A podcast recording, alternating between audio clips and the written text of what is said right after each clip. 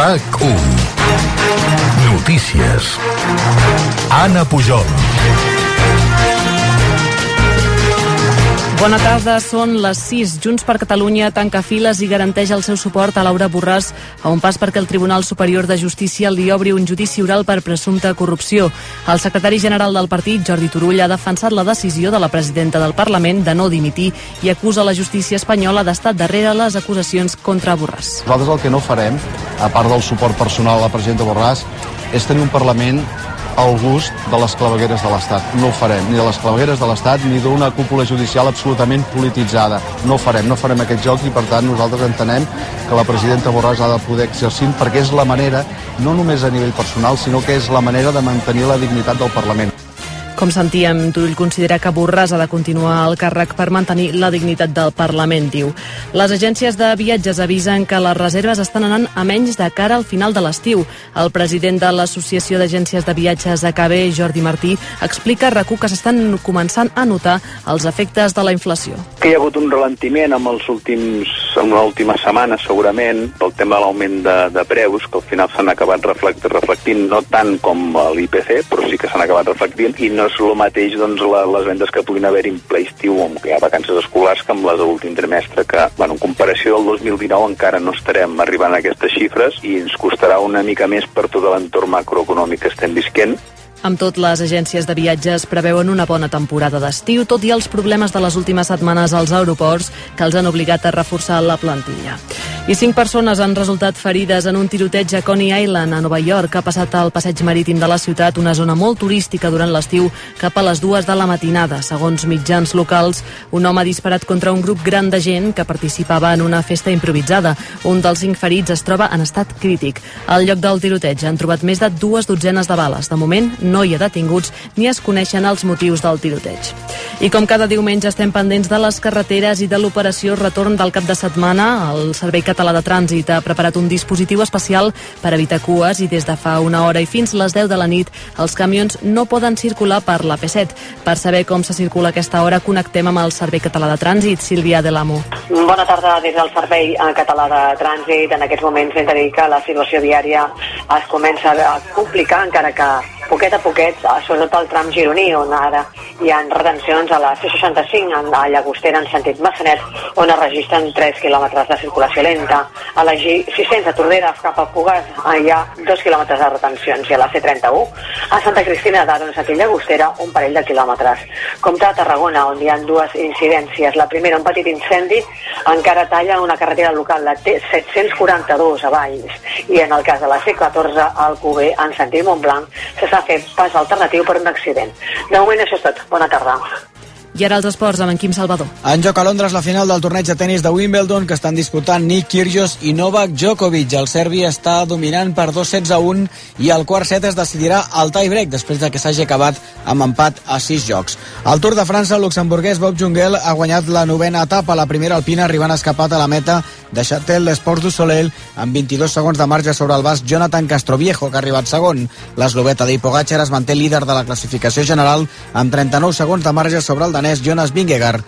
El monegàs Charles Leclerc ha guanyat al volant d'un Ferrari el Gran Premi d'Àustria de Fórmula 1 per davant del neerlandès de Red Bull Max Verstappen segon i l'anglès de Mercedes Lewis Hamilton tercer. Fernando Alonso ha acabat de i Carlos Sainz ha hagut d'abandonar perquè s'ha trencat el motor del seu Ferrari. Verstappen es manté líder del campionat amb 38 punts de marge sobre Sergio Pérez i 44 sobre Leclerc. I doble victòria de Toni Bou al Gran Premi d'Alemanya de Trial. El pilot de Piera lidera el Mundial amb 23 punts de marge sobre Jaime Busto. I el temps, la tarda continuarà molt tranquil·la i assolellada i tot i alguns núvols, l'ambient es mantindrà càlid a tot el país fins que es faci fosc. Demà començarem la setmana sense canvis, amb domini del sol i calor de ple estiu.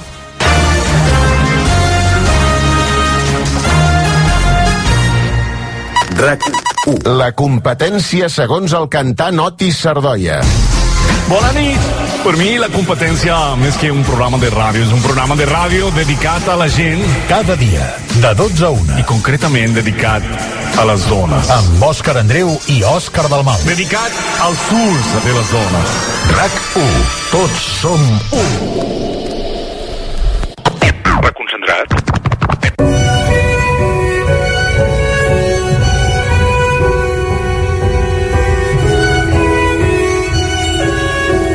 Difícil trobar ara mateix una novel·la més actual que Matriosques de la Marta Carnicero per la violència que pateixen les dones, pels estralls de la guerra o per les maternitats no desitjades. Són tres temes malauradament d'enorme protagonisme en l'actualitat i ara, només 171 pàgines, la Marta dona veu al crit que diu ella a totes les dones que s'han sentit i se senten víctimes, amenaçades i assetjades. Hola, Marta, bon dia. Bon dia, què tal? Uh, mira, per començar, perquè em fem una idea, et puc demanar un favor? Sí. Mira, hi ha un, hi ha un capítol d'aquesta novel·la que amb en Jordi Saumell hem coincidit que, que trasbalsa molt però crec que és imprescindible situar els oients amb el que seria la trama central del, del llibre. Et fa res llegir-ne un fragment, sisplau, No, Marta? que va. Vinga, que Avisem marcat. que és trasbalsador, eh, de tota molt, manera. Molt, molt, molt trasbalsador. Avisem. El teu cos són les restes dels homes que li han passat per sobre. No hi ha aigua que et pugui netejar. L'olor d'humit del drap que fa de tovallola força el record amunt, engrapant-te l'estómac com un globus. La buidor sobrepàs i la vomites tota groga a la tassa tacada. No hi fa res que hi hagi res per vomitar. Et vesteixes com pots. Recordes la ingenuïtat dels retrets que en una altra època, després d'una nit llarga, et desvetllaven l'endemà, quan encara no volies despertar-te. No és aquell rosec el que sents ara. És una angoixa dura enmig del pit, el forat per on fuig l'aire que s'escapa dels pulmons abans d'omplir-los. T'obligues a posar un peu davant de l'altre. Et despulles de qui eres perquè aquella persona, la noia feliç, ja pesa massa. Durant un temps aniràs recordant per parts, sense poder controlar quan, amb quina intensitat o de quina manera, i els records s'estaran ajupits a la white per llançar-se sobre teu com menys t'ho esperes. Els primers van arribant com papers estripats. Tot passa de pressa i a càmera lenta, massa ràpid per poder reaccionar, però a poc a poc, prou lentament, perquè els detalls puguin gravar-se. Per uns segons tornes a ser-hi. El terror ni els crits. Ets un cos sec que rebutja, que no entén aquella massa a sobre obrint-se pas, insistint per entrar quan no pot ser més en fora. Et recordes pensant a que no sigui cert, que no em facin mal, que no em matin. T'esforces per fugir del cos i convertir-lo en closca, però tot és present. El dolor de l'embat, les paraules escopides, els grunys. No has mossegat quan t'han omplert la boca. Preferiria ser morta, però no vols morir. Algú ha fet entrar uns nens. Els seus ulls espantats se t'incrusten com metralla. Més enllà de l'asfíxia, pateixes pels alumnes. Que pugui haver-n'hi algun entre els nois que han fet passar. Que et pugui veure així, i tu, sobreviure. Pagaries per estar recollint vidres trencats, plegant roba que no saps qui ha remenat escombrant les rajoles.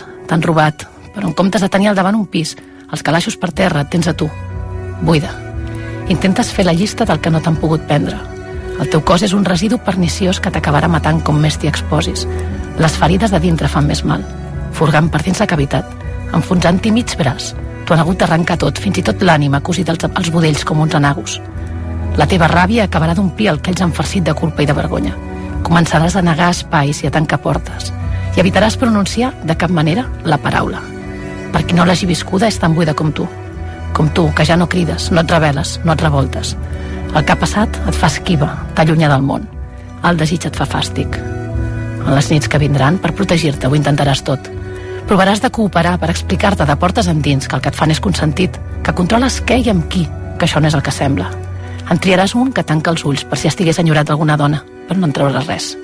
Ningú vol fer l'amor enmig de la barbària, ni és sexe consentit el que s'hi busca. El desig d'aquestes bèsties creix davant del rebuig, es multiplica quan castiguen. El camp s'hi folla a pèl i allà es barreja tot. La vergonya, la ferida, la malaltia, els fluids. I la culpa d'haver desitjat, quan no podies més, no haver-te canviat per la teva neboda. T'ha gustat escriure això, M'ha Marta? costat molt, sí, sí. I he tingut malsons i he plorat escrivint també. Clar, posar-te a la pell de la Hanna. Uh -huh. Mira, de fet, ara estic, estic mig emocionada, eh, després de llegir-ho, És perquè... que és molt bèstia. Mm. Pots explicar qui és la Hanna, Marta? Sí, la Hanna és una dona... Comencem fent spoilers, eh? I diem sí. també que qui hagi escoltat això ja pot llegir la novel·la, perquè a vegades fa por que la novel·la sigui molt, molt dura. I- el més dur no, és hem això. Agafat, exacte. Hem agafat el Tinguem tros més molt dur. clar, és a dir, no ens pensem que, que les 141, 71 171 pàgines, pàgines és això. No. No. Hi ha moment que rius. Sí, hi ha moments d'humor, perquè també hi ha- Sí, sí. hi ha, i, hi ha molta... És un llibre que et genera molts interrogants, que és, el, que és, que és la voluntat de que el llibre respecte les, el que és el gran eh, paper que tenen les dones en aquests moments i els seus grans conflictes. Però, esclar, això és el més bèstia, clar, que, que ben, el seu metge el primer que em va dir, dius, Sí. sí. que, que és, Sí. és molt gros. Sí. Explica qui és la Hanna, Marta. Doncs la Hanna és, és una dona... eh, Aquí la novel·la pràcticament no dona pistes d'on està situada, però la podem situar als Balcans, perquè hi ha un parell de detalls. Um, però justament no he volgut donar pistes perquè podria ser una dona a qualsevol dels conflictes armats que hi ha ara mateix al món. Uh, a totes les dones els passa el mateix, que viuen una doble guerra. La guerra pel fet d'estar de, d'estar presents en, en, un, en aquest conflicte, que en diem conflicte, però per dir-ho d'alguna forma fina, perquè realment és una, és una animalada, i després viuen també les conseqüències d'aquesta guerra pel fet de ser dones, no? pel fet de ser botí de guerra, pel fet de ser propietat d'algú. Hm. De fet, en el final, en els agraïments del llibre, uh, di, fa pensar que t'has basat en testimonis, en testimonis reals. És així o, o el que expliques tot és ficció? No, no, el que explico tot és ficció, el que he fet ha estat documentar-me. Jo no he tingut nassos, perquè no sóc periodista, i no hagués tingut, no hauria tingut segurament la capacitat que teniu vosaltres de preguntar, de furgar, per dir-ho així, en la ferida sense fer mal. A mi em feia un terror, mm, em feia, em feia moltíssima por el fet d'agafar persones que podria segurament haver localitzat, perquè sé que hi ha documentals doncs, fets a, a propòsit d'aquest tema, i, i demanar-los informació, perquè jo sé que la informació que jo hagués necessitat eh, hauria estat tan mm, detallada que, que hauria obligat algú a reobrir ferides. I això, en nom d'una novel·la, no em semblava lícit. De fet, s'ha parlat molt a casa meva, amb la meva filla gran, de si era lícit escriure aquesta novel·la, perquè ella em deia, és que Marta, uh, mama, a tu no t'han violat, no? A tu, uh, clar, no has viscut una guerra, uh, estàs parlant d'una sèrie de coses que no has viscut. I deia, bueno, si puc escriure, que no és el cas, perquè no m'interessa aquest tema, però vaja, sobre un assassí en sèrie, no? Clar. i al final és versemblant, doncs també poder, he de poder fer aquest exercici d'empatia. I el que he volgut fer ha estat això, un exercici d'empatia, col·locar-me al lloc d'aquesta dona i imaginar què passaria. A mi em passa molt eh, jo no puc veure pel·lícules, de fet, eh, la, la gent que em coneix em diu com has pogut escriure això si tu ets eh, antiviolència? És dir, no, em, em costa moltíssim veure una pel·lícula, una sèrie amb violència explícita, perquè se'm queda tot gravat. El que he fet de vegades és ha estat tancar ulls, no? I aquells crits he descobert que encara em, produ em produïen imatges molt més bèsties segurament que les que s'estaven projectant eh, de en aquell cine, el que fos. això, per exemple. Jo crec que ha estat una mena d'exorcisme. Jo vaig veure una, una exposició que, que era una, una de les tres potes de les quals constava un projecte més gros, que es diu Encara hi ha algú al bosc, segur que n'heu parlat moltes sí, vegades. el tema del, amb la Teresa dels- Curiera. de- Correcte. Sí. Llavors, hi havia i, aquesta exposició a la Model de Barcelona, una exposició molt petitona, diria que modesta, però quan, a, quan no gens modesta, eh? modesta quan a, quan a Espai. extensió. Sí.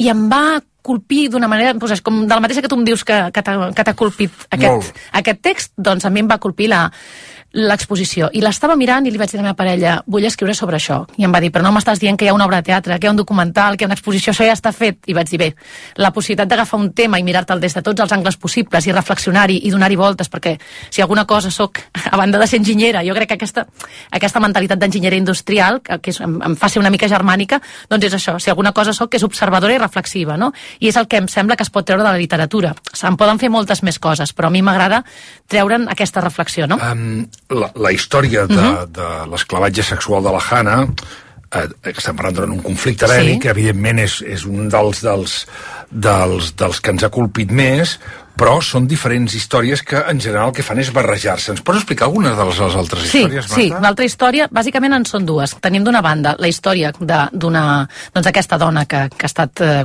ha estat se l'han endut en un camp de violacions i allà doncs ha passat l'experiència que ha passat. No, eh, el llibre mm, no, no tracta el, la situació en aquell moment, sinó que aquesta dona la va revivint i perquè ja està, bueno, ja fa, fa 18 anys de tot plegat i comença a, a, a intentar sortir una mica d'aquella closca, de fet es diu matriosques perquè seria, bueno, parla una mica de l'encapsulació del dolor, no? El dolor dins d'una pell, dins d'una altra pell i, i, i dins de capses que vas tancant amb, amb la voluntat d'avançar, no? Eh, ella intenta avançar, però es troba amb un passat que, que, que la segueix assetjant, entre altres coses perquè ella busca la venjança i haurà de fer un, tot un camí per descobrir que no és el, la venjança no és el que necessita, i amb això no, no, no estic parlant de redempcions fàcils, No, sinó no, no, no, no. tota una reflexió que hi ha al darrere. I d'una altra banda, doncs, tenim una, una història aparentment dis- dis- desvinculada amb aquesta, però que, clar, a la llarga acabaran con- Conflueixen. confluint, no? Eh, I que té um, com a protagonista un adolescent. La relació que té aquesta adolescent amb uns pares que s'estan divorciant, Que aquí hi ha un punt que és on dèiem que hi ha Sí. en algun moment algun punt de humor, diríem, eh? Exacte, humor en el sentit que bé, tots els que tenim adolescents a casa, segurament, mm -hmm. de fet molta gent m'ha dit, és que ho has clavat, no? Uh, bé, jo, jo en tinc dues, 16 i 18, i després en tinc un entremig de 17, uh, que és afegit, uh, i allà estem tots tres, i per tant, bueno, tots, ells, ells, dos, ells, ells tres i nosaltres dos, no? Els dos adults. Uh, clar, les situacions són, són diverses i entretingudes, mm -hmm. però, però bé, eh? No ens podem queixar. Uh, um... A la novel·la també planteges, hi ha una qüestió que és molt interessant, que és què fan després de la guerra aquests homes uh -huh. que durant un conflicte violen, violen bàsicament. Uh -huh. que és això? Què passa amb aquests? No passa res.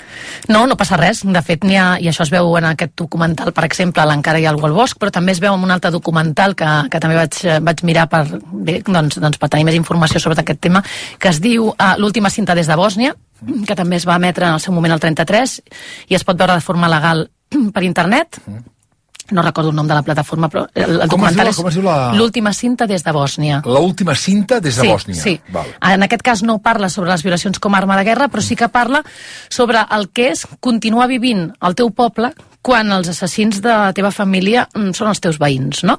Uh, I se'm, i se'm posa la pell de gallina quan ho penso, perquè, mm. clar, uh, no només em preocupava ja, que és un tema que encara no he pogut resoldre no crec que tingui solució, què és el que porta en certes situacions, en, cert, en certs contextos, a homes que tenim al voltant, a qui saludem, a veïns, a gent amb qui ens entenem, a comportar-se com a bèsties, mm -hmm. no?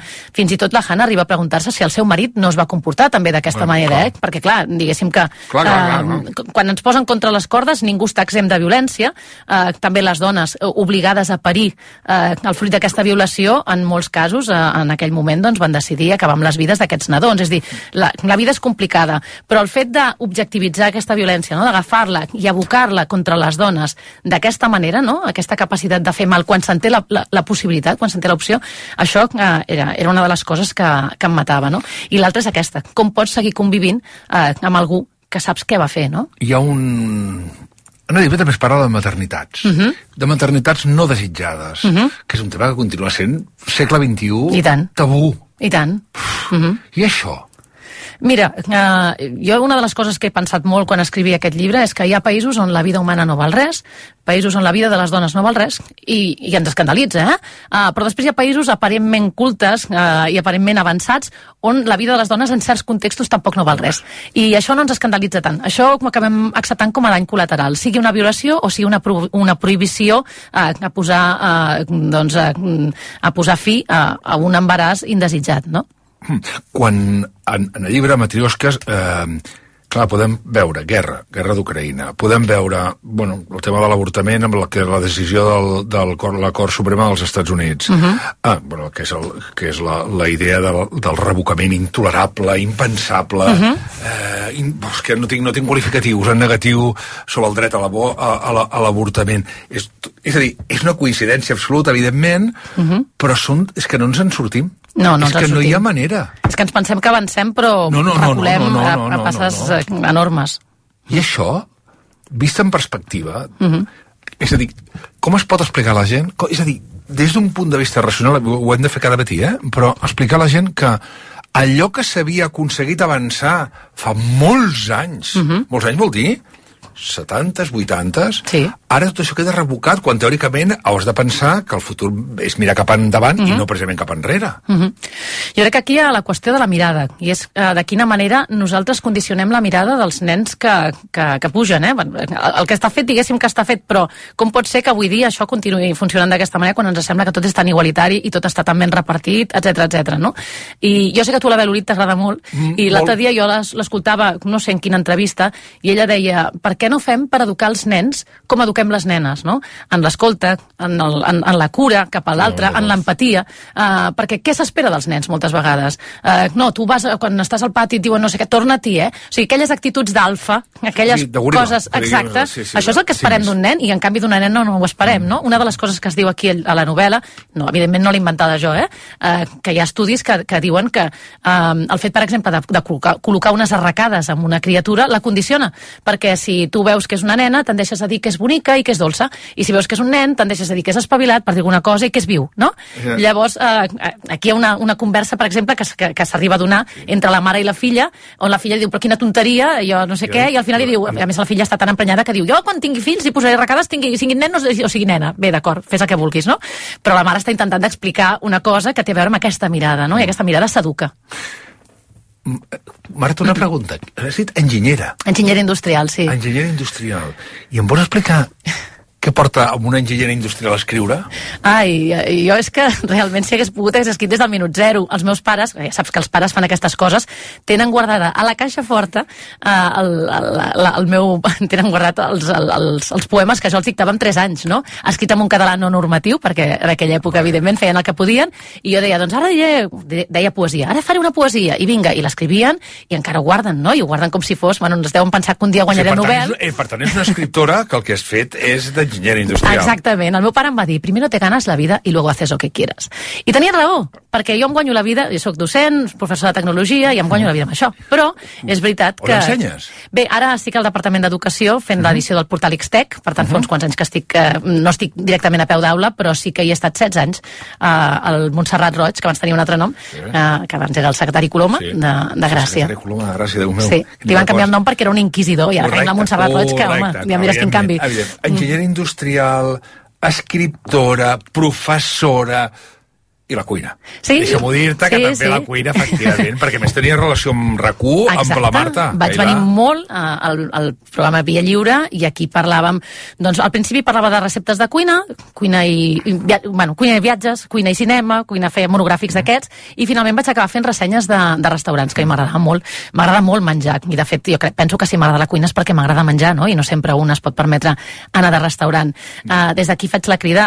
El meu marit és el que cuina a casa. Ara actualment uh, és com si jo hagués... Bueno, jo és que si no estic, si no estic escrivint tinc la sensació que estic perdent el temps, que disposo de tan Si poc no pares. temps jo no, ni les vacances ni mai, jo em llevo a quarts de sis eh, més, sí bueno, tu et lleves més aviat Sí, no una t'impacta mica més això. aviat, però llavors Però, quart, clar, jo a mi quan em diuen en llevo quarts de sis, Sí. la meva admiració és, és perquè no hi ha gaire gent que es llevi quarts de sis. és una qüestió de força de voluntat. No ho faria per anar a córrer, segurament, perquè no la tinc.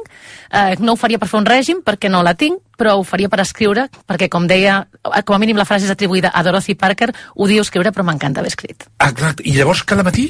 Cada matí O sigui, escric... t'estàs preparant alguna cosa? O, sí, que ara estic, estic donant voltes a coses. A cada matí o escric o llegeixo. Està molt bé, això. Perquè sí, també, també tenia la sensació que no podia llegir. I llevar-te per llegir una hora abans d'anar a treballar és fantàstic. És que és quan dormo que hi veig clar. Exacte. És que és veritat que, escolta, per, per quina manera més diferent de començar una entrevista d'acabar-la, eh? Sí, sí. Bueno, hi ha d'haver esperança. Aquest llibre és un llibre sobre la redempció, també, eh? sobre la redempció possible. I, i, I és un llibre que és molt cinematogràfic. La història de la Hanna, per exemple, Mhm. és molt cinematogràfica. Sí, sí, jo també ho penso. Ho has pensat?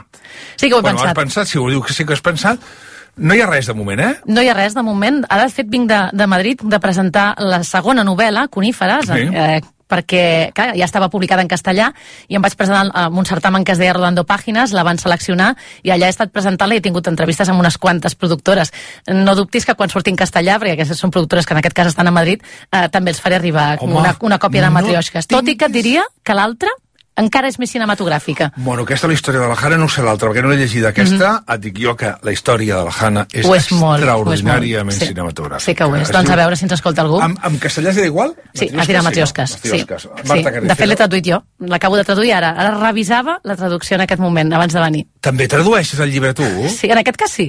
Fins ara m'havia traduït un molt bon amic traductor, que és el Pablo Martín Sánchez, però soc tan pere punyetes que ja va haver un moment que vaig pensar no li pots demanar canvis, eh, la nostra amistat és més valuosa, i vaig decidir que faria jo l'intent.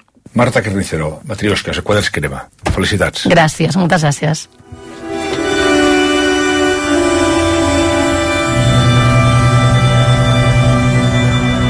Així sona, reconcentrat. Ah, vale, vale. Què tal, Marc? Què tal? Bones tardes. Hola. Estaves, estaves pel, pel tema dels castells? Ah, Estava... Estava queixant el guió, Toni. És que no... He, des... he desconnectat. Per què? Veus, veus? Perdoni? Veus? Però què és Què, aquesta què, és, què, què és això? Què Amb és- aquests col·laboradors que es dediquen a pintar, Home. doncs que se vagi a pintar parets que estan plens de grafitis amb pintura d'allò per tapar els Què grafitis. és, què és aquesta actitud davant, Hombre. davant el fet casteller, que és una de les coses més maques de El més Catalunya? important de Catalunya. Que ya te vale, No, no, sí, a mí a mí per- los castellers, pues la verdad, A ver, Si no nunca- te gusta, ya sabes dónde puedes ir. No me, no me toques el Bora Vive, el Bora Yo Vivo no, ahora. yo no era de Castell, pero ¿qué quieres que te diga? Yo estaba aquí atenta como la que va. Yo, Sí. Y aquí La con los castells a tope. No, no, no. hay que Estaba estar a tope y a mí lo que a mí eh, en las tradiciones pues hay que respetarlas. ya Ante todo, respeto. Eso.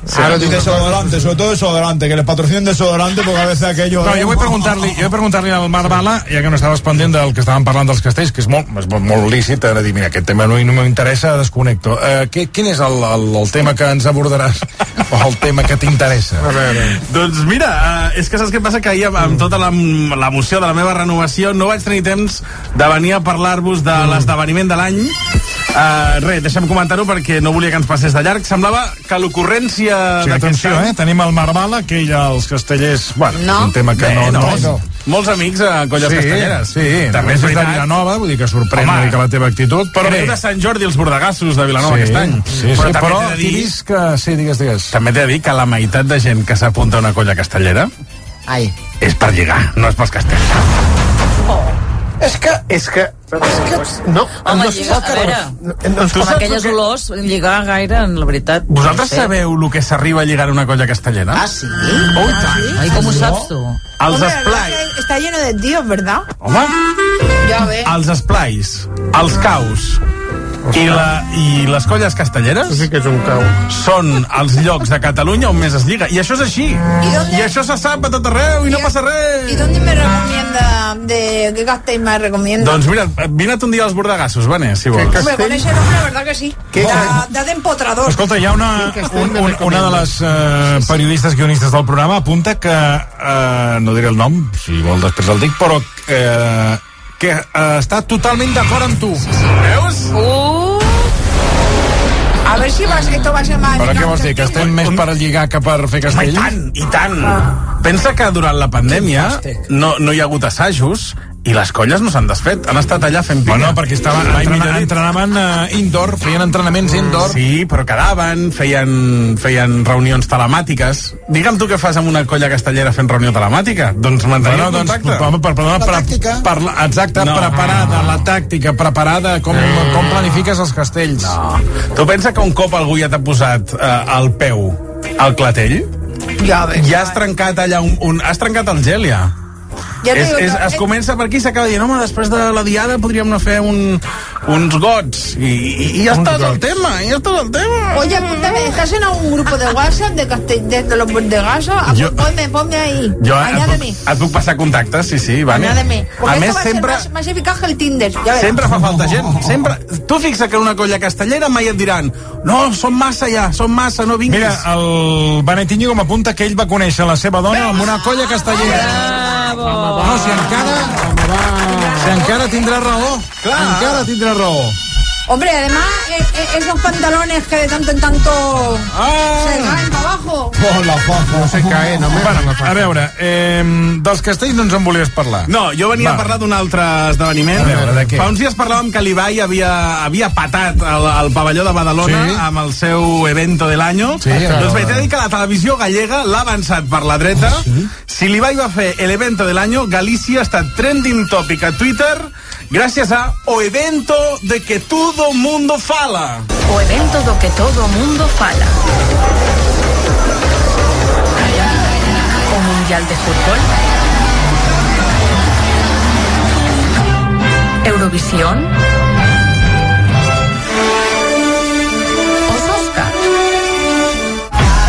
Evento do ano, eh? Miss Vaca 2022. Com? O evento del ano és Miss Vaca 2022. Claro. Uh, un certamen de bellesa, però amb vaques. Uh, Miss Vaca 2022, uh, amb una representant per província. A Corunya s'hi presentava Linda, per Lugo teníem a Cachorra, Ourense amb Lucera i Pontevedra amb Rubia. T'he de dir... Això s'hauria de... Sí. Mira, aquesta és una idea que s'hauria de tras traslladar aquí a Catalunya, eh? Hi ha allò dels, A favor dels del gossos d'atura, Sí, el concurs de gossos d'atura del Castellà de Nuc, i això també s'hauria de fer. A favor de la ramaderia i... i Home. home. Es maco. Doncs los aquest, cabrones también. aquest programa- cabrón del año. Aquest programa va traspassar fronteres i va ser tot un èxit a xarxes. Així començava aquest programa especial que es va allargar més de 3 hores en directe. Queridos amigos todos, muy boas noites.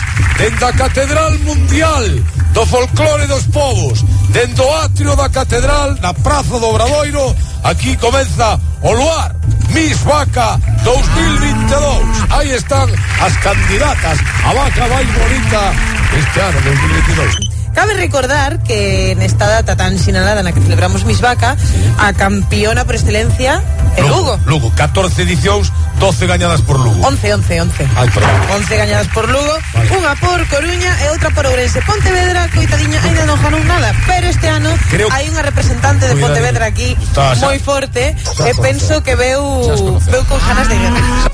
Quina rivalitat entre les quatre províncies amb aquest la sembla, seva el- candidata. sembla l'alcalde l'alcalde de Vigo. Claro, eh? pero no, ser. presenta ¿Cómo se llama? Abel Caballero. Esto, no, no, no, no. pero ese es el presentador do Luar, que Sí, es no, el ya, show pero de fin de pero semana. tenen el mateix timbre de veu. Tenemos el mismo timbre de voz, És pero no. veritat. Uh, aquest inusual concurs uh, no és nou d'ara, se celebra des de l'any 2006. Mejor concurso do mundo. Eh, sí, como la, la ciudad también. las eh, luces de eh, Vigo. exacto. Ya Vigo sabía- va a nevar. Que que alcalde que así ya la controla bastante bien la lluvia La mateixa veu. Sí, Ahora la la mateixa mateixa veu. Doncs, com bé deia l'alcalde, el programa es diu Luar, de la televisió gallega, i cada cop té més èxit, eh, sobretot entre la gent jove, perquè s'ha expandit a xarxa social. La gent ja el comenta en directe, i de fet, el coixinet Miss Vaca 22 ha estat trending topic durant hores, i les candidates a guanyar el guardó doncs van ser les protagonistes de la nit, Por és a dir, supuesto. les vaques. Sí. Us heu d'imaginar que aquest programa eh, no hi faltava de res, no, no era un, un programet. Hi havia eh, actuacions musicals. Bueno, a humoristes. a l'estil de, a la- a la- a l'estil de l'Ibai Llanos amb Sí. aquell eh, torneig de bufetades que va muntar aquí al, Per això que- al pavelló, bueno, al Palau...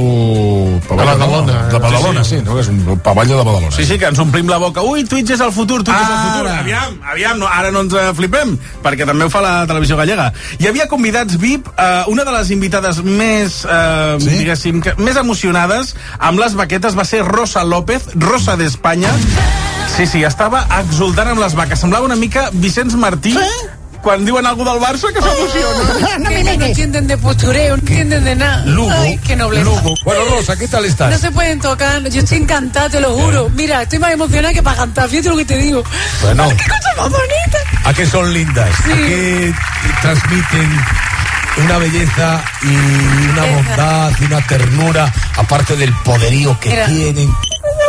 Bueno, ahora está, Es que quiero tocar- quiero tocarla, pero es que ah, me la- llevo a mi casa, no cogen en el llevas. piso. Vale, vale, vale, vale, vale. Bueno, Yo lo que quiero es tocarla. le damos tiempo. A ver la reacción, tocarla, a ver la reacción de cada una. sí. Venga. Ahí va Rosa. ¿Dónde se le, ¿A dónde le gustan a ella que le toquen? ¿Por detrás de la orejilla? Sí, que te gusta que te toquen. ¿Eh? ¿De esos ojazos tan preciosos?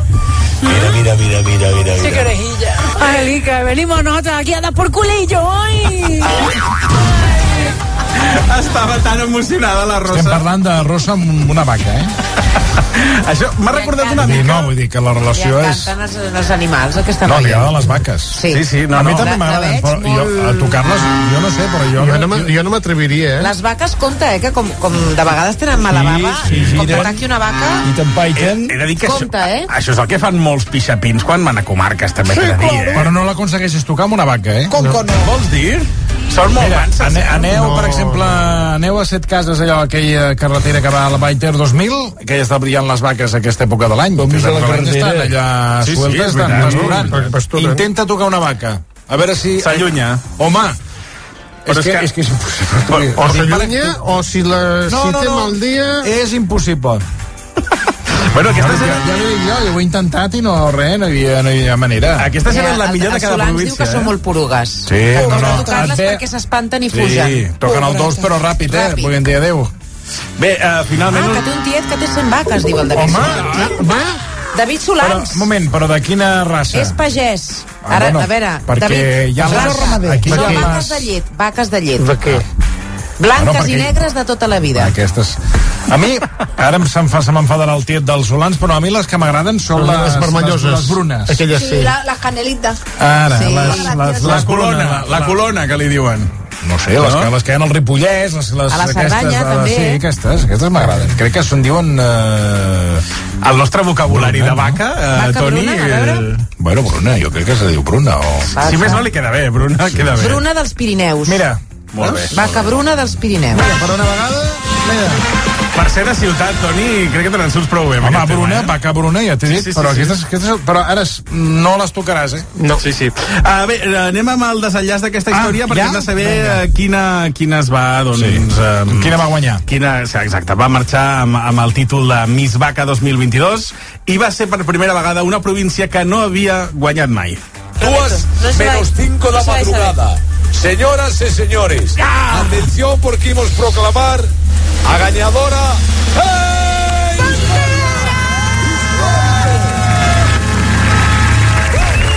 Rubia era nuestra ganadora oficial. Una honra para toda provincia. Luareiros e lugar. Escapóse no último tramo. Por favor, Un por favor. porcento de vantaxe. Bueno, queridos miembros do xurado, sí, adiante, por favor.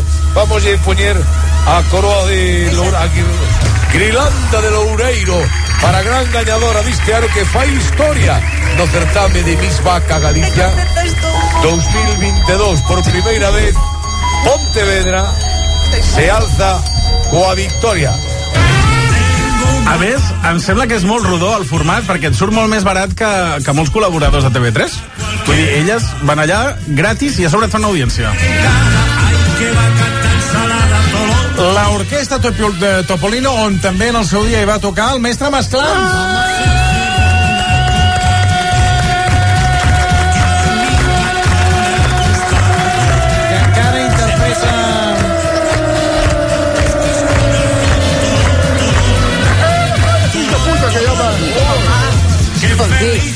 Topolino, Una Topolino. On vostè va participar, l'orquestra Topolino. Topolino, I on vostè ara interpreta aquesta cançó, Tengo una vaca lechera. Pero, pero bien, bien hecha, bien hecha, ponla, ponla, cabrón.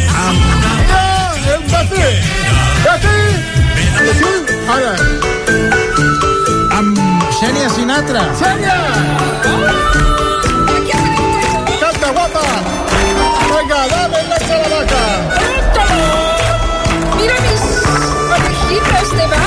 que llevo. Pobrecita. Venga, que todo el mundo a puñir la vaca. Ah, oi que quantes metres! Uh, sis tetes tinc, sis! Transport de plàstic, eh? Són de, són de plàstic. Són de plàstic, són de plàstic, de com de broma que fem. De broma que fem a la Aquest, per, meta de per, per, plàstic. perdoni un moment, podem parar un moment que m'estic... Para, para, para, perquè... Para, para, para. Que pari la música. Quin espectacle, quina versió és aquesta de la Topolino? La- la- la- la- La orquestra, la, la vaca lechera, tengo una vaca Jo lechera. aparec disfressada de vaca. No, Què ell, vols ell es un disfressat de vaca i la gent li toca la meta perquè abans si sabe leche. Sis metres! Sí, meta, mira. A ver, ¿cuál saca Torne, leche? tornem amb la versió. Canta. Canta.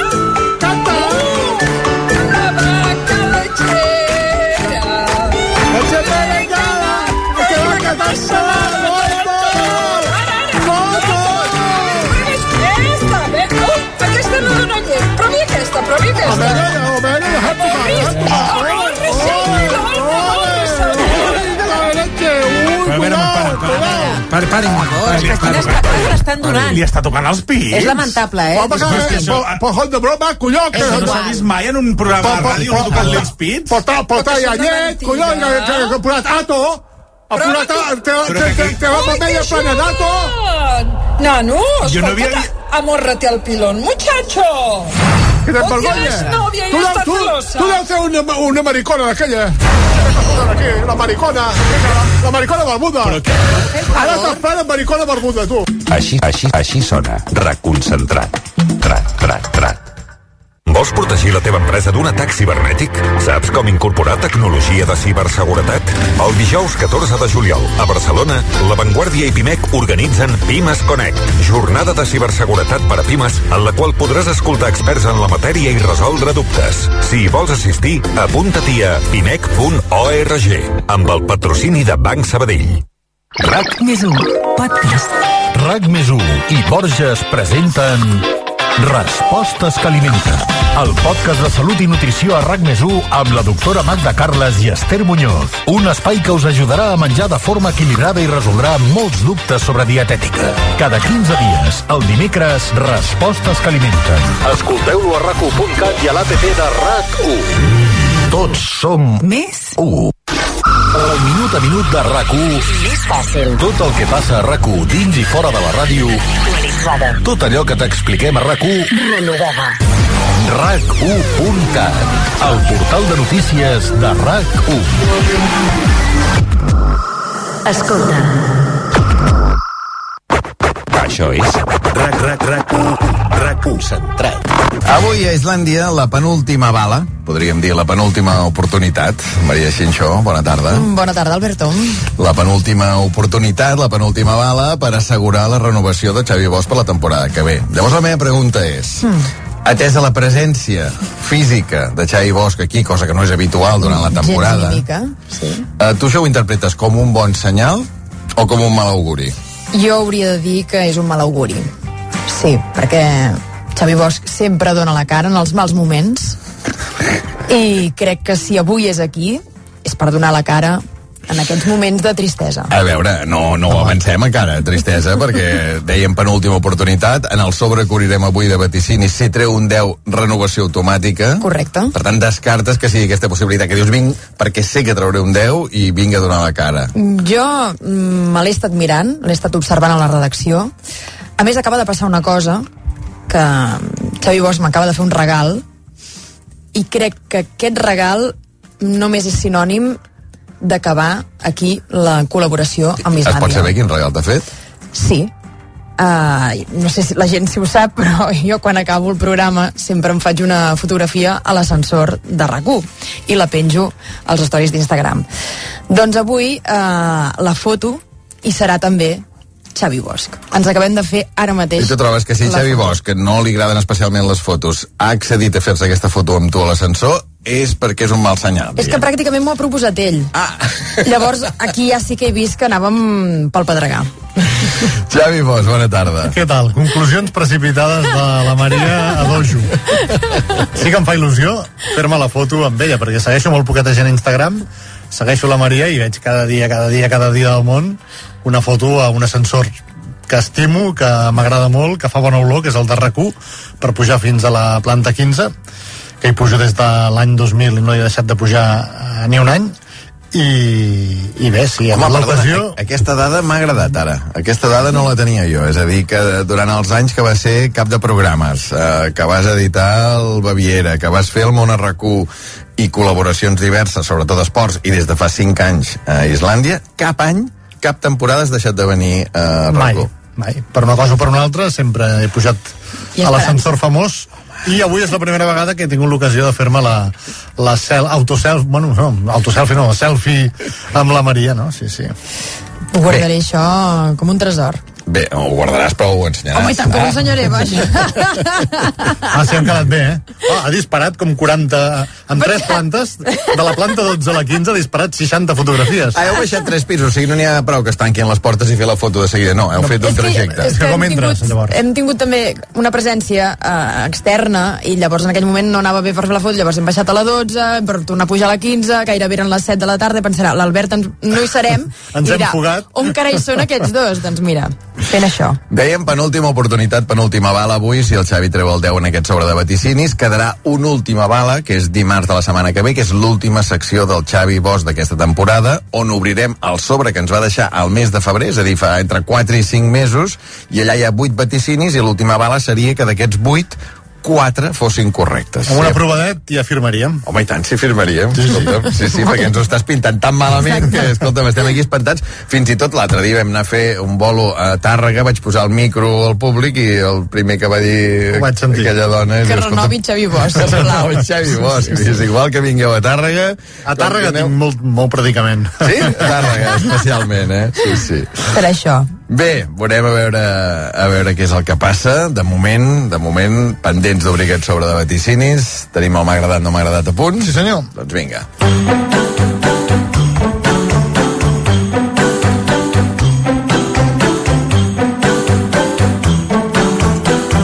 M'ha agradat. No m'ha agradat. M'ha agradat començar el juliol amb un llibre, que és el llibre que m'ha de durar totes les vacances, i notar ja a les 20 primeres pàgines que l'he encertat. Aquest any sí. I no és una novetat, és un clàssic que tenia pendent de llegir. És L'art de viure, que són les 640 pàgines de Goliard de Sapienza, traduïda al català, molt ben traduïda per Anna Casasses i publicat per La Campana. Qui vulgui aprendre com es construeix un personatge, un personatge femení, eh, rodó, rebec, dur, amb arestes, complet, l'art de viure de Goliard de Sapienza, que és aquesta dona siciliana, que va morir tot just abans de publicar aquesta gran novel·la. No m'ha agradat fer el primer bany de mar, avui, del 2022, i que a dos quarts de nou del matí del primer dia ja hagi tingut un incident. A dos quarts de nou, eh? A cada platja d'aquesta població del Garraf posa un rètol gegant i d'altres de més petits que diu que els gossos no poden ser les platges en temporada d'estiu, del 5 de maig a l'11 de setembre. Som a 5 de juliol. I què ha passat? que érem a la sorra i la noia amb el gos vinga a tirar-li còdols o no sé què li tirava perquè el gos el recollís dins l'aigua i n'hi tornés. La dona al gos, no al revés. Lògicament ens les hem tingut. Amb la dona, no amb el gos. M'ha agradat que Lluís Permanyer hagi guanyat el Premi Nacional de Periodismo Cultural. El gran cronista de Barcelona mereixia una distinció lloada com aquesta. Jo dic amb coneixement de causa perquè la meva tesina doctoral, dos anys de feina, fa molts anys, era precisament una comparació entre els articles de Lluís Permanyer a la Barcelona dels Jocs Olímpics a la Vanguardia amb els articles de Carla Soldevila a la Barcelona de l'Expo del 29 a la publicitat. I si penso, després de tot aquell treball i molts anys després, en les tres virtuts principals de Permanyer com a periodista, hi veig, primer, que d'allò que en sap, en sap més que ningú. L'absència de mandra, tingui l'edat que tingui, i sobretot també tenir un gran sentit de l'humor. I amb aquestes tres coses ja pots fer un màster de periodisme especialitzat. No m'ha agradat veure el que ha passat al Madrid, al Madrid de bàsquet. Tenien un entrenador que era el Pablo Lasso. 11 anys a la banqueta, 22 títols. 11 anys, 22 títols. Té un infart de miocardi just abans de començar la final de la Lliga CB contra el Barça. Lògicament, a la final no pot asseure's a la banqueta i el Madrid, amb Tavares, fulmina el Barça en quatre partits i guanya el campionat. El guanya amb el segon entrenador a la banqueta.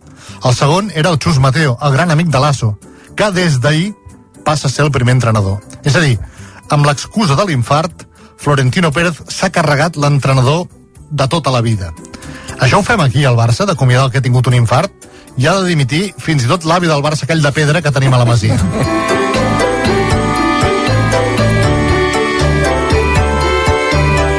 M'ha agradat saber, avui que el meu pare hauria fet seix- eh, 86 anys, 86, m'ha agradat rebre un sobre enigmàtic d'un parent amb tot de sobres a dintre, amb tot de fotografies antigues i molt antigues de la família. Avui, per exemple, per primera vegada, he vist la casa on va néixer la meva àvia Bonjoc a Mollerussa.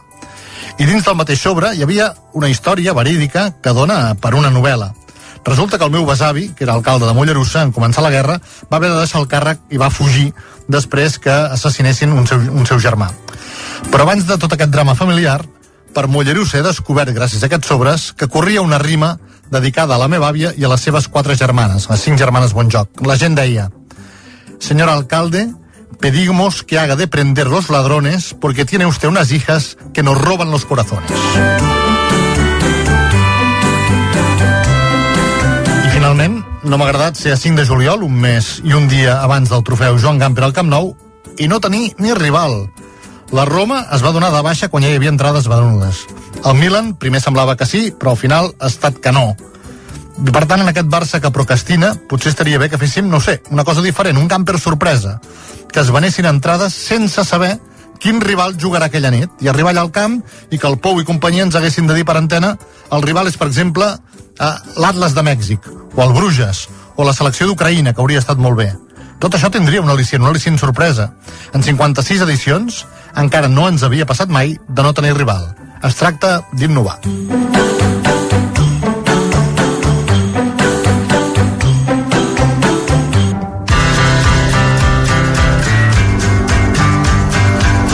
Ja has vist, Xavi, que les normes eh, o les rutines no han canviat, que continuem prenent Prenent apunts. apunts, no sé de què serveix, però no, sí, mira, els prenem, no els prenem, Sí, sí, sí, sí, mira, escoltem atentament i anem prenent apunts. Eh? O sigui, la teva proposta seria això, eh? un rival sorpresa, que compris les entrades i, i a veure qui et Tu vas a veure el Barça al capdavall. Sí. Sí. Tu i qui jugui, Chapecoense, l'Atlas, el Milan o la Roma, tu el que vas a veure són els fitxatges, les novetats, les tàctiques del Xavi, el Franquesí, el Christensen, el Lewandowski, que esperem que ja estigui pel Gamper, no?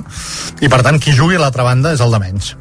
Clar, a més a més, ara amb el calendari, perquè jo recordo abans, eh, abans vull dir quan érem nens, eh, que, que el Gamper era a final d'agost, no? Era, El segon, el, el, el primer dimarts i dimecres de la vintena d'agost, sempre. Sí, el 22 d'agost, 23 Quatre partits, dos el dimarts Uh -huh. i dos el dimecres, que acostumava a jugar el Barça a la final, que era el segon partit. Clar, i ara el 22 o 23 d'agost ja s'hauran disputat dues jornades de Lliga, sí, no? sí. Vull dir, és aquesta cosa, aquesta cosa tan boja als calendaris que cada vegada eh, comences abans per poder encabir tots els partits que hi ha. A mi m'ha fet gràcia l'incident que has tingut a, amb el gos, A que, la platja, sí. que trobo que podries fer la, la versió del de, el curiós incident de, del gos a, a dos quarts de A nou del matí. del matí. Sí, d'alba. a trenc d'alba, exacte. En comptes No, de escolta, a el mitjanit. sol, el sol surt, surt d'hora, eh? Ja Sí, feia, sí, feia sí. un parell d'hores que hi havia No, claredat. ja veig que Trenc d'Alba no, no són quarts de nou, eh? Sí, sí. Bé, 7 i 11 minuts. Tens el sobre per aquí, Maria? Preparadíssim. Doncs va, som-hi.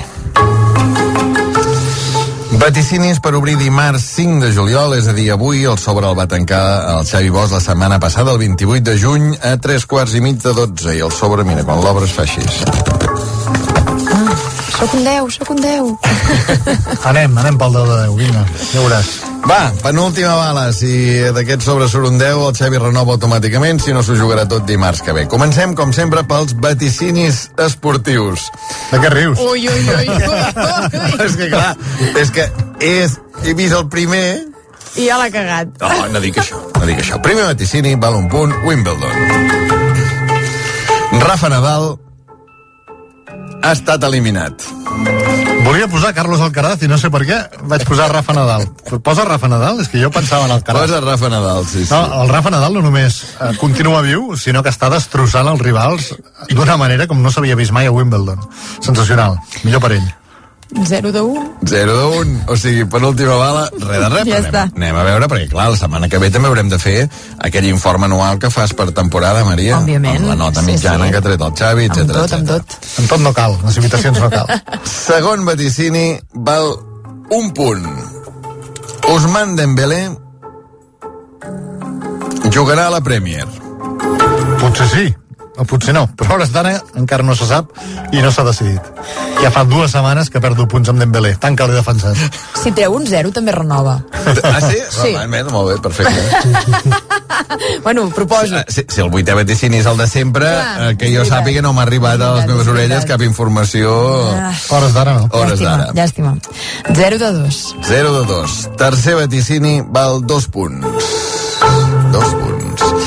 El Barça ja ha presentat dos fitxatges. El Barça ha anunciat dos fitxatges, que són el Franquesí i el Andreas Christensen. Un el presenta demà, ja és a Barcelona, i l'altre presenta demà passat i arribarà demà. Jo, mira, jo crec que aquest te l'he de donar per bo, perquè ho va anunciar Ha i anunciat. no... El Barça ja ha anunciat dos fitxatges, hauria estat el verb més correcte, però presentar-los no han estat presentats. Així és que vols dir, un de dos? No, no, jo, el, el bar i el veredicte i l'àrbitre ets tu, i tu mateix. Jo li donaria els dos punts. Doncs 2 de 4. Dos, Gràcies. dos de quatre. Una vegada que està generós, agafem-ho. Quart vaticini, últim vaticini esportiu, val un punt, Fórmula 1. A Silverstone guanya un Ferrari. Un Ferrari que no havia guanyat mai, el de Carlos Sainz. Per tant, aquest punt és especialment valuós. 3 de 5. 3 de 5. Televisió. A veure, ja no hi ha eufòria.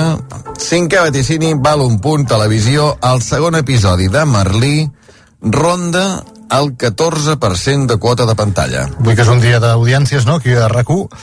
Eh, el Merlí d'ahir el van mirar de mitjana 280.000 persones.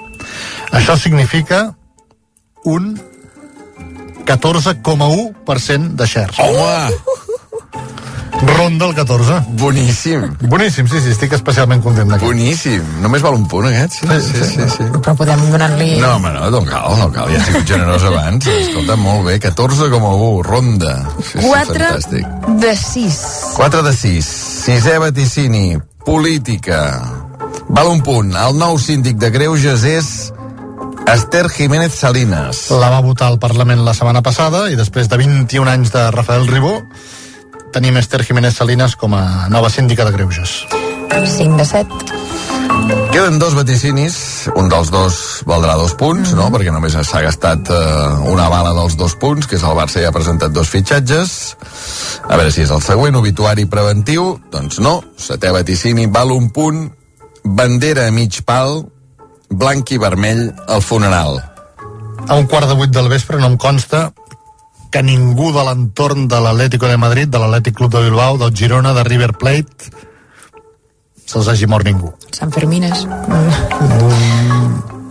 Va, bandera mig pal, blanc i vermell al funeral, si algú li consta, doncs escolta'm, ens ho faci, que ens ho faci saber. De moment, 5 de 8. 5 de 8 i vuitè i últim vaticini val dos punts, aquest sí, Elisabet II continua sent la reina d'Anglaterra. Ja ha tingut una bona setmana, escolta, amunt i avall, l'hem vist en un parell d'actes, per tant continua en forma. És que no pot ser que continuï la reina i tu no. 7 de 10. 7 de 10, mira, al 7 de final. 10, sí. Quan, quan a més a més el Xavi Bosch presumia que s'acabaria abans eh, Islàndia, que la Islàndia, reina sí. i de moment, de moment, escolta'm, de moment hi ha un empat Sí, de, ha un de, de empat moment nosaltres un empat continuem un any més. Hi ha un empat tècnic Bé, Tornaré doncs, dimarts. Xavi, dimarts torna i dimarts ja Busquem patrocinador, no?, per l'últim dia. Tenim Home, tothom pendent aquí. una certa, una certa expectació i és, Yes, és, és, esperem que no sigui Memora el patrocinador Mira, ja hi firmo. Si tinc, si tinc un percentatge, ja hi firmo. Ai, a veure, escolta'm, eh, deixa'm saludar una persona que serà el nostre proper convidat, que és el Guillem Sans. Guillem, bona tarda. Molt bona tarda. El Guillem Sans, que ha sigut director de l'APM des de l'any 2007. Exacte, sí, sí, sí. Sigui, els últims 15 anys, eh? Han passat moltes coses. I vas entrar-hi quan? Quin any Jo era? vaig entrar el 2001 a l'APM de ràdio. A l'APM de ràdio. Això vol dir més de 20 anys treballant a l'APM. Exacte, sí, sí, no sé com estic eh, encara sencer, però, però és així. Una història que va començar, mira aquest document, jo crec que tu el deus tenir al cap, i crec que el Xavi Bosch també el té al cap, però potser alguns oients no tenen tant al cap. Escolteu aquestes veus a veure si les reconeixeu. A mitjanit, la ràdio nacional i més divertida de Catalunya, amb les frases més brillants dels nostres polítics, amb les neures dels veïns i molt d'humor. I això gràcies a la feina d'un magnífic equip de professionals que fa possible aquest programa. Alguna pregunta més? Aquesta veu de que deia alguna pregunta més és la teva, Xavi Bosch. Sí, senyor, sí, sí. Ens hem inventat moltes coses a la vida, però fa molta vergonya sentir-se eh, tants anys abans. Clar, a més a més- 1994 era això, eh? Déu-n'hi-do. Aviat farà 30 anys d'això. Sí, eh? sí. sí, sí. Doncs mira, amb el Bassas ens hem conèixer fent un tom per la vida, l'últim programa que va fer el Puyal per televisió, i ens vam, vam congeniar en aquella redacció i vam pensar, quan això s'acabi, què farem? I vam pensar de fer un programa de ràdio eh, vam convèncer el director crec que era Lluís Oliva en aquell moment de Catalunya Ràdio perquè ens deixés fer-ho a la mitjanit quan feia anys i panys ja que es feia el, el, la nit dels ignorants que va passar a ser una miqueta més tard i nosaltres a les 12 en punt fèiem aquesta mitja hora de programa.